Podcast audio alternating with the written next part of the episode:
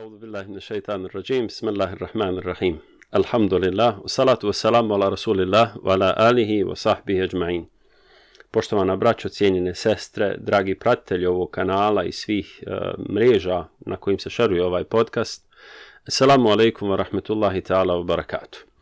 Želimo vam još jednu srdačnu dobrodošlicu u ovo naše kratko druženje, obraćanje i razgovor. E, drago nam je, evo, alhamdulillah, da ovaj naš početak i naš pokušaj da putem ovih novih društvenih audio mreža doprimo do što većeg broja našeg stanovništva, odnosno onih koji prate naš rad, e, koji se interesuju za naša razmišljanja i koji žele da čuju od nas u stvari odgovore na određene e, dileme, izazove i tako dalje. E, tako da ako Bog da svakako ćemo u budućem periodu inšallah pokušati u određenim intervalima da se obratimo sa određenim e, uputama, savjetima, razmišljanjima, pa čak i dilemama, nedoumicama, pitanjima, nadajući se ako Bog da u svemu tome da ćemo kazati nešto sa čime će naš gospodar biti zadovoljan, da ćemo kazati nešto od čega će biti hajr e, i na ovom i na budućem svijetu za nas. E, ono što smo danas u stvari željeli da aktualiziramo jeste jedan vrlo interesantan hadis Allahovog poslanika Muhammeda sallallahu alaihi wa alihi wasallam koji svako od nas može primijeniti u vlastitom životu. Odnosno tiče se svakog pojedinačnog čovjeka, tiče se svake pojedinačne duše, tiče se svakog pojedinačnog konkretno srca odnosno tog duhovnog života i njegove interakcije sa našim fizičkim, odnosno svakodnevnim životom. Ovaj hadis, koji većina hadijskih učenjaka ocjenjuje kao Hasan hadis, kao dobru predaju, dakle, je interesantan iz više razloga. Prvi razlog je zbog toga što se u njemu vidi jedna nadnaravnost poslanika, sallallahu alihi wa alihi wa sallam, a to je da je obavijestio čovjeka o tome šta on želi da ga pita. Naime, jedan od ashaba, ashab po imenu Wabisa bin Ma'bed radijallahu ta'ala an, je razmišljao dugo o jednoj temi. Naime, razmišljao je o pojmu dobra i pojmu zla. Dakle, razmišljao je o tome i to ga je pritiskalo. Puno je razmišljao o tome. Dakle, stara filozofska, drevna, ljudska, čovječa dilema oko toga šta je dobro i šta je zla, šta je zlo, ga je pritiskalo opterećavalo i Vabisa je u stvari bio opterećen time. Pa je onda odlučio da ode do poslanika sallallahu alaihi ve sellem da iznese te svoje strahove i da pita Allahovog poslanika sallallahu alaihi ve sellem o tome e, što, što ga u stvari tišti. Kada je Vabisa bin Ma'bed radijallahu ta'ala an došao do Allahovog poslanika sallallahu alaihi ve sellem, poslanik alaihi salatu ve selam e, je dakle bio obavješten od strane Allaha džallašanhu o čemu Vabisa razmišlja, pa mu je rekao, o Vabisa, sjedi. Pa kaže, ja sam sjeo, pa je poslanik sallallahu alaihi wasallam prihvatio ga i dotakao je njegove, njegova, njegova koljena i rekao je, kaže, o Vabisa, jesi došao da me pitaš o dobru i zlu? Subhanallah. Pa je Vabisa rekao, da, Allahu poslaniće, došao sam da te pitam o dobru i zlu. Dakle, to je nešto što je njega sikiralo, to je nešto što je njega tangiralo, to je nešto što je, dakle, bilo u njegovoj duši što ga je na neki način opterećavalo pitanje dobra i pitanje zla. Pa mu poslanik sallallahu alejhi ve sellem dakle sastavi svoj mubarek prste i dotače njegova prsa ovako i reče istefti qalbak ja wabisa kaže pitaj svoju dušu pitaj svoje srce E, dakle, to je prvi dio, prvi dio hadisa, pa je poslanik sallallahu alaihi wasallam tri puta ponovio to i pitaj svoju dušu, pitaj svoje srce, slijedi svoje srce, slušaj svoje srce. E, što je zaista izuzetno interesantan savjet od Allahovog poslanika sallallahu alaihi wa alihi wasallam. Nakon toga poslanik sallallahu alaihi wasallam kaže, al birru, e, kaže, al birru ma itmente, kaže, e, do, dobro je, dobročinstvo je ono sa čime je tvoje srce zadovoljno. Dakle, sa čime je tvoje srce zadovoljno, rahat, dakle, kada osjetimo rahatluk u srcu, to je u stvari dobro i dobročinstvo, kako ga poslanik alaih salatu wasalam ovdje definiše. Wal ithmu ma haka fi sadrike, kaže, e, wala, wala turidu enta tali alaih nas, u drugom rivajetu, dakle, imamo nešto drugačiji slijed riječi, kaže, a grijeh je ono što te smeta u tvom srcu, što ti unosi nespokoj u tvoje srce, i kaže ne želiš da ljudi to saznaju. Subhanallah. Kaže i na kraju poslanik sallallahu alejhi ve sellem kaže pa makar ti ljudi i drugačije fetvu dali ili makar ti ljudi drugačije govorili o svemu tome. Ovaj hadis koji se bilježi zaista u različitim uh, varijantama i različitim rivajecima, kao što smo rekli je Hasan hadis, ali nam je interesantan iz više, iz više razloga. Prvi razlog koji smo već spomenuli jeste taj da Allahu poslanik sallallahu alaihi ve sellem obavještava čovjeka o, o njegovim namjerama koje niko nije mogao znati, o kome Vabis nije nikome govorio, nego je došao da pita Allahu poslanika sallallahu alaihi ve sellem i tu ga je zatekao u stvari već pripremljen odgovor jedna dakle poslanička smjernica kako treba da razmišlja o ovom zaista teškom i velikom fenomenu. Dakle, šta je to dobro i šta je to zlo? Dakle, to je prvi moment. Drugi moment na koji e, velika većina islamskih učenjaka u stvari e, daje akcenat i o kojem se izuzetno puno razgovara, raspravlja, piše i tako dalje, jeste prvi dio hadisa u kome Allahu poslanik sallallahu alaihi wasallam kazao e, istefti kalbek javabisa. Pa mu je to ponovio tri puta. Pitaj svoje srce. Slušaj svoje, svoje srce. Slijedi svoje srce. Uh, I zaista, šta bi trebalo ovo da znači? Šta znači da mi treba da slijedimo naše srce, da slušamo naše srce? Šta znači da mi pitamo naše srce? Ovdje imamo jednu vrlo važnu stvar koju trebamo naglasiti, a to je da Allahu poslanik sallallahu alejhi ve sellem hoće u stvari da naš duhovni život bude u skladu s našim psihičkim i našim fizičkim životom. To je izuzetno važna stvar. Naš razum ne može da bude odvojan od naše duše jer zajedno čine u stvari cijelinu. Naša duša zajedno s našim tijelom u stvari čini cijelinu. I zbog toga mi kao vjernici treba uvijek da razmišljamo o stanju naše duše. Treba da razmišljamo o tom duhovnom životu. Treba da razmišljamo o, o dakle našim duhovnim potrebama kao što razmišljamo o našim fizičkim potrebama. Kao što imamo potrebu da jedemo, kao što imamo potrebu da pijemo, kao što imamo potrebu za različite segmente našeg fizičkog života, tako u stvari treba da znamo da budemo osjetljivi za naše duhovne potrebe. Dakle, to je jedno znači značenje ovoga. Drugo značenje koje je iznimno važno jeste u stvari da njegujemo tu našu duhovnu čistoću. Jer ovo podrazumijeva riječ Allahovog poslanika sallallahu alaihi wa alihi wa sallam istefti kalbek ne znači da svako treba da slijedi svoju dušu. Imate ljude čije su duše zaprljane, imate ljude čije duše su dakle toliko crne, kako se u drugim hadisma objašnjava, dakle da poput jedne sijalice, dakle koja je sva crna, pa ne može emanirati u stvari svjetlost. Dakle, ljudi koji su uprljali svoje, svoje duše, dakle grijesima, u stvari ne odnosi se na njih ovaj hadis, nego ovaj hadis u stvari nam govori da mi treba da njegujemo i čistimo naše srce, da vodimo računa o našu, našem duhovnom životu, da vodimo računa o tom, o tom besiretu, o tom duhovnom, e, dakle, srčanom vidu koji je gospodar dao u našim dušama. I to je, dakle, nešto što ovaj hadis nam tako zorno govori.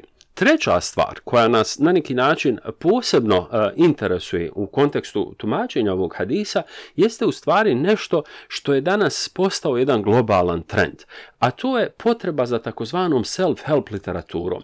Naime, self-help literatura je jedan žanr koji se razvija enormnom brzinom, gdje ljudi ubijaju, što naš narod kaže, ogromne novce. Dakle, to je već milioni i stotne miliona, ako ne milijarde dolara, dakle, radi se o zaradi cijelo jednoj industriji, koja u stvari bazira se na tom konceptu self-helpa, kako u stvari ljudi sami sebi trebaju da, da pomognu, da se vrate sami sebi, da se vrate svojim postavkama, otvorničkim postavka, postavkama, što bi mi rekli, dakle da, da, da, da se povežu sa svojim srcem, da se povežu sa svojom prirodom, da se vrate svojoj dakle unutarnjoj biti i tako dalje. A to je u stvari ovo što nam poslanik sallallahu alejhi ve sellem kaže u svega dvije riječi: istefti qalbak. Dakle pitaj svoje srce, vrati se svojoj duši, vrati se dakle onome što tvoja duša želi. Subhanallah. Ovaj hadis, dakle još jedna stvar, evo uzećemo je kao četvrtu, koju posebno činim se trebamo da da potenci fokusiramo jeste kako ga kontekstualizirati, kako ga živjeti praktično, kako praktično taj hadis primijeniti. Gdje ovaj hadis u stvari Allahovog poslanika, sallallahu alaihi wa sallam, možemo primijeniti? Pa možemo ga primijeniti u cijelom našem životu. Dakle, cijeli naš život u stvari obilježen je sa ovim istefti kalbek. Šta to znači? Znači da mi kao ljudi imamo šta? Imamo slobodu volji. Imamo mogućnost da izaberimo. Imamo mogućnost dakle, da se vratimo svojim osnovama na, na kojim smo stvoreni. Imamo mogućnost da prepoznamo dobro duboko u našim dušama. Da prepoznamo zlo dobro u našim dušama. Da možemo razlikovati dobro i zlo koje nas okružuje u dakle, ovom materijalnom svijetu gdje u stvari mi živimo. I zbog toga, dakle, ove riječ Allahovog poslanika, sallallahu alaihi wa sallam, znači više stvari. Dakle, znači pitaj svoje srce. Dakle, pitaj svoje srce šta tvoja duša misli, šta tvoja duša želi. Da evo, pređemo na konkretne stvari. Evo imamo puno naše omladne koja želi nešto da studira. Dakle, šta želiš da studiraš?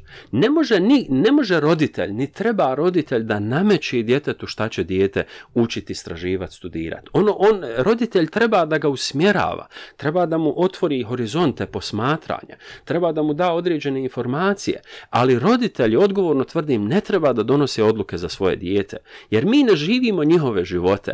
Treba da naučimo djecu da će oni živjeti svoje živote. Dakle, to je naša obaveza. Dakle, to je jednostavno naša obaveza. Moramo, dakle, dovesti djecu da pitaju sebe šta je to što oni žele. U stvari, prije toga, mi treba da pitamo sami sebe šta je to što mi želimo. Dakle, šta želimo studirati, šta želimo raditi, koga želimo u naše, našoj oko, o, okolini, ko želimo da su naši bliži, da su naši prijatelji.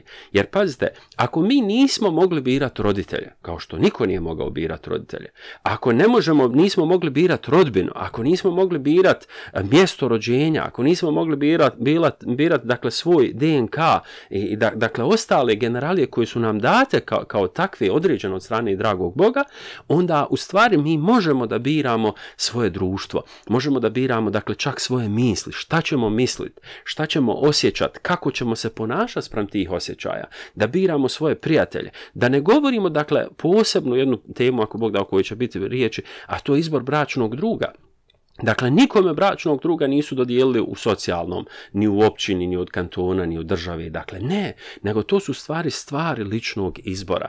Dakle, i stefti kalbek, pitaj svoje srce, šta je to što ti želiš?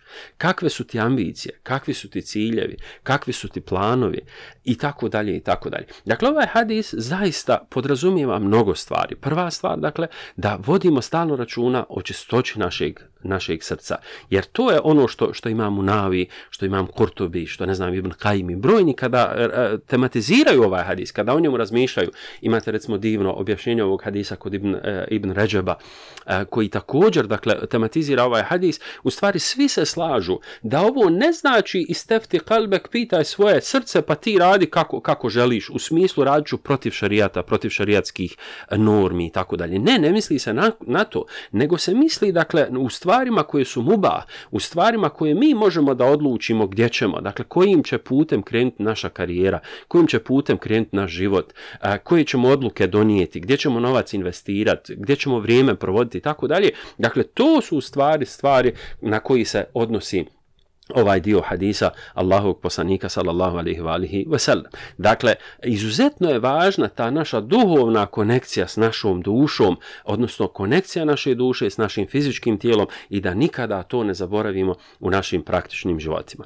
Dalje Allahov poslanik sallallahu alejhi ve sellem, dakle kratko u svega par riječi definiše šta je to dobro do, dakle dobro. Definicija dobra od strane Allahovog poslanika sallallahu alejhi ve sellem jeste da je dobro nešto gdje se duša u stvari smiruje. Dakle kada imamo smiranu dušu e, i Kur'an spominje e, nefsul mutmainne, isti glagol je upotrijebljen u ovom hadisu. To je ta smirana duša. Dakle cilj čovjekovog života na ovom svijetu jeste da postignemo smiranu dušu. Dakle da živimo smiranim životom, da budemo u miru sa gospodarom svjetova. Udhulu fi silmi kafeten, kako kaže gospodar svjetova, uđite u mir, svi živite u miru cilj islama jeste da svi ljudi žive u miru i to tom dakle sveopće razumljeno miru miru sa uzvišenim Allahom dželešanuhu miru sa drugim ljudima ali prije svega dakle miru miru sa samim sobom dakle zato poslanik sallallahu alejhi ve kaže dakle dobro je ono što gdje je smireno tvoje srce dakle naravno naše srce nikada i duša koja je čista ne može se smiriti u grijehu ne može se smiriti u haramu ne može se smiriti u nečemu gdje smo nani nanijeli nepravdu nekome i tako dalje. Naravno, mi vidimo svakodnevno da ljudi uzmeju tuđe hakove, da gaze preko drugih ljudi, da gaze preko njihovih prava, da gaze preko njihovih časti. Često puta to muslimani rade. Često puta muslimani se kriju u stvari iza različitih parola, ne znam, diploma, institucija, organizacija, stranaka i tako dalje.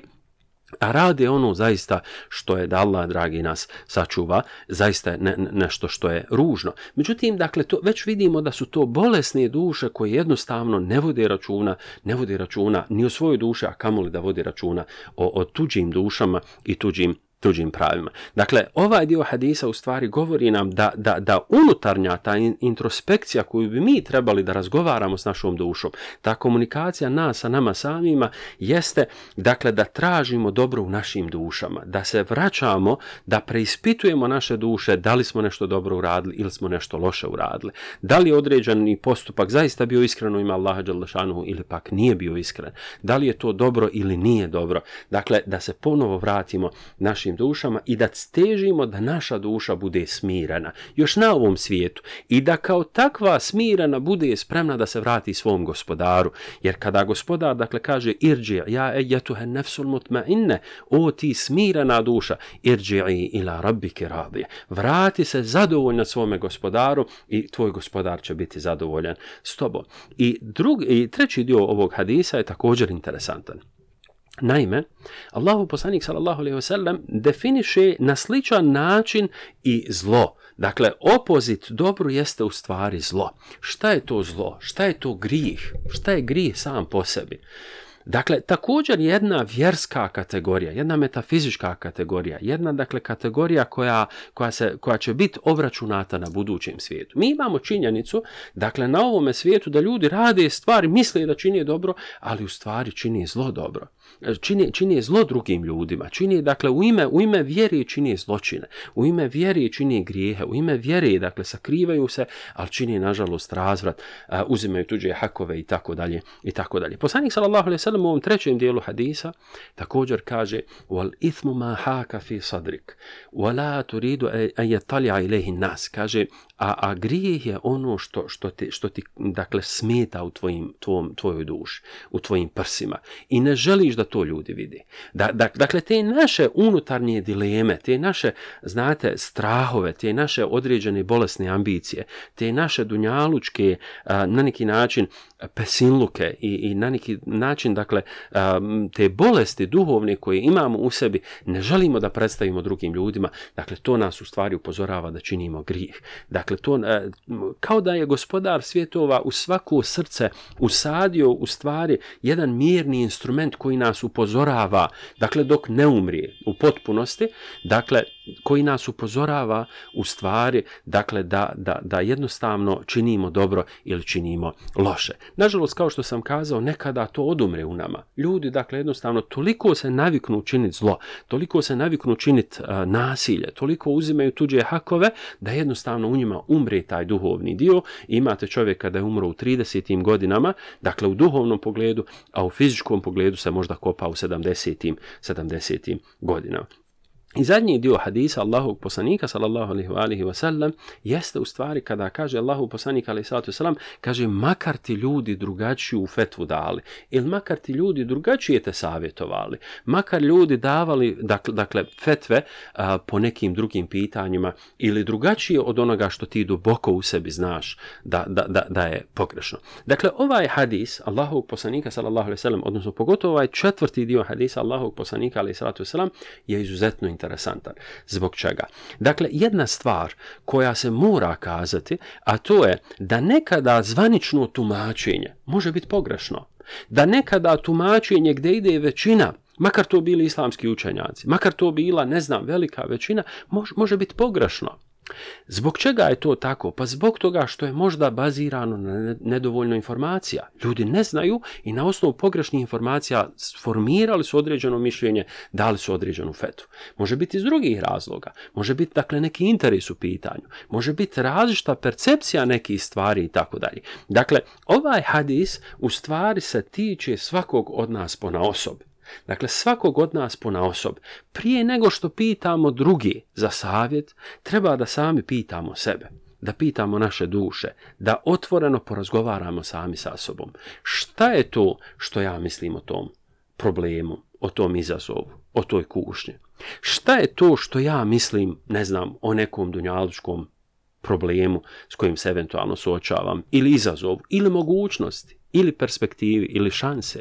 Dakle, kada to riješimo sami sa sobom, onda u stvari možemo pitat, dakle, onda možemo pitat druge. Neki islamski učenjac, recimo Ibn Qajim kaže, kaže, ukoliko muftija daje neku fetvu i daje neki savjet, ali kaže, nije zadovoljan s tim što je kazao, kaže, to se ne uzima. Zbog čega? Pa zbog toga što on vjerovatno nema potpune informacije. Ili, dakle, jednostavno njegovo davanje fetvi, njegovo nezadovoljstvo time, u stvari dakle govori da to nije u potpunosti nije u potpunosti formiran slučaj i ne treba se u stvari eh, predoći drugima ili se po njemu eventualno ne treba postupati. Dakle ovo je izuzetno važna stvar. Kada bi išli dublje u ovo, dakle mogli bi u ovome tražiti i, i na neki način jed, jedan, jednu osnovu za socijalnu kritiku određenih vjerskih autoriteta, političkih autoriteta i tako dalje, koji često puta dakle govore jedno radi nažalost drugo. Dakle jer poslanik sallallahu sallallahu alaihi sallam nam upravo to, to kaže. Pa ste, vi imate situaciju od sada da ljudi govore radi interesa, vrlo čudne stvari. Zasto, I vi znate da to nije tako. Znate, i vi osjećate duboko da je to pogrešno, dakle, držite se toga što vi osjećate. Dakle, držite se toga što vi osjećate. Dakle, i uvijek sebe u stvari preispitujte, preispitujte po pitanju halala i po pitanju harama i po pitanju, dakle, da li je nešto sumljivo ili nije sumljivo. Ovo ne znači da ne treba slušati islamske učenjake, ne, naprotiv, nego ovo znači da taj naš duhovni život u stvari treba stalno da se preispituje u konkretnim dunjaličkim poslovima. Dakle, da jednostavno jednostavno ispitujemo naše srce. Kao što je Vahabisa, pitao poslanika sallallahu alejhi ve sellem pa mu on odgovorio istefti qalbak dakle pitaj svoje srce slijedi svoje srce slijedi svoju strast slijedi svoje ambicije slijedi svoje slušaj svoje dakle srce u pogledu vlastitih ciljeva i tako dalje i tako dalje jer možda pazite možda će se vaši ciljevi vaši va, vaše ambicije možda će se čak sudariti sa ambicijama drugih ljudi možda im to neće biti drago Možda čak najbliži ljudi oko vas vas neće podržati. Šta, šta će se dogoditi? Dakle, da li treba da uništavamo sami sebe radi toga? Ne, poslanik sallallahu alaihi sallam nam kaže, dakle, ukoliko su, podrazumijeva se, da naši ciljevi, naše ambicije, naše želje, naše aspiracije trebaju da bude, budu čiste, da budu halal, da budu, dakle, nešto u čemu je hajr, u tom slučaju i, dakle, tada, dakle, mi treba da slijedimo to, pa makar naišli na nerazumijevanje od drugih, a svakako nadajući saku Bog da, da ćemo to, da ćemo to prevazići. Evo, dakle, to je jedan hadis Allahog poslanika sallallahu alejhi ve sellem koji smo smatrali zaista da je onako znakovit za nas danas da je izuzetno interesantan uh, da je zaista iz područja, dakle, self-help literature, iz područja te pozitivne psihologije, kako je nazivaju, i da svako od nas u stvari treba da razmišlja o ovom hadisu Allahovog poslanika, sallallahu alaihi wasallam, da razmišlja o stanju naših duša, da, da učinimo sve da poboljšavamo naše duše, da se vratimo našim dušama, da se vratimo našem duhovnom životu, ali u isto vrijeme, dakle, da, da, da uvažavamo druge i da ne do Allah ne uzimamo tuđe hakove i tako dalje. Molim Allah Allah Đalešanhu da vas sve nagradi, da vas pomogne svakim hajrom, inša Allah, na ovom i budućem svijetu. Uh, inša Allah, ukoliko budete imali neki pitanja, prijedloga ili nešto slično, možete nam se javiti dakle putem društvenih mreža ili u komentarima ovih videa, odnosno audija, uh, audio druženja. Da vas Allah nagradi, do sljedećeg videa. Assalamu alaikum wa rahmetullahi wa barakatuh.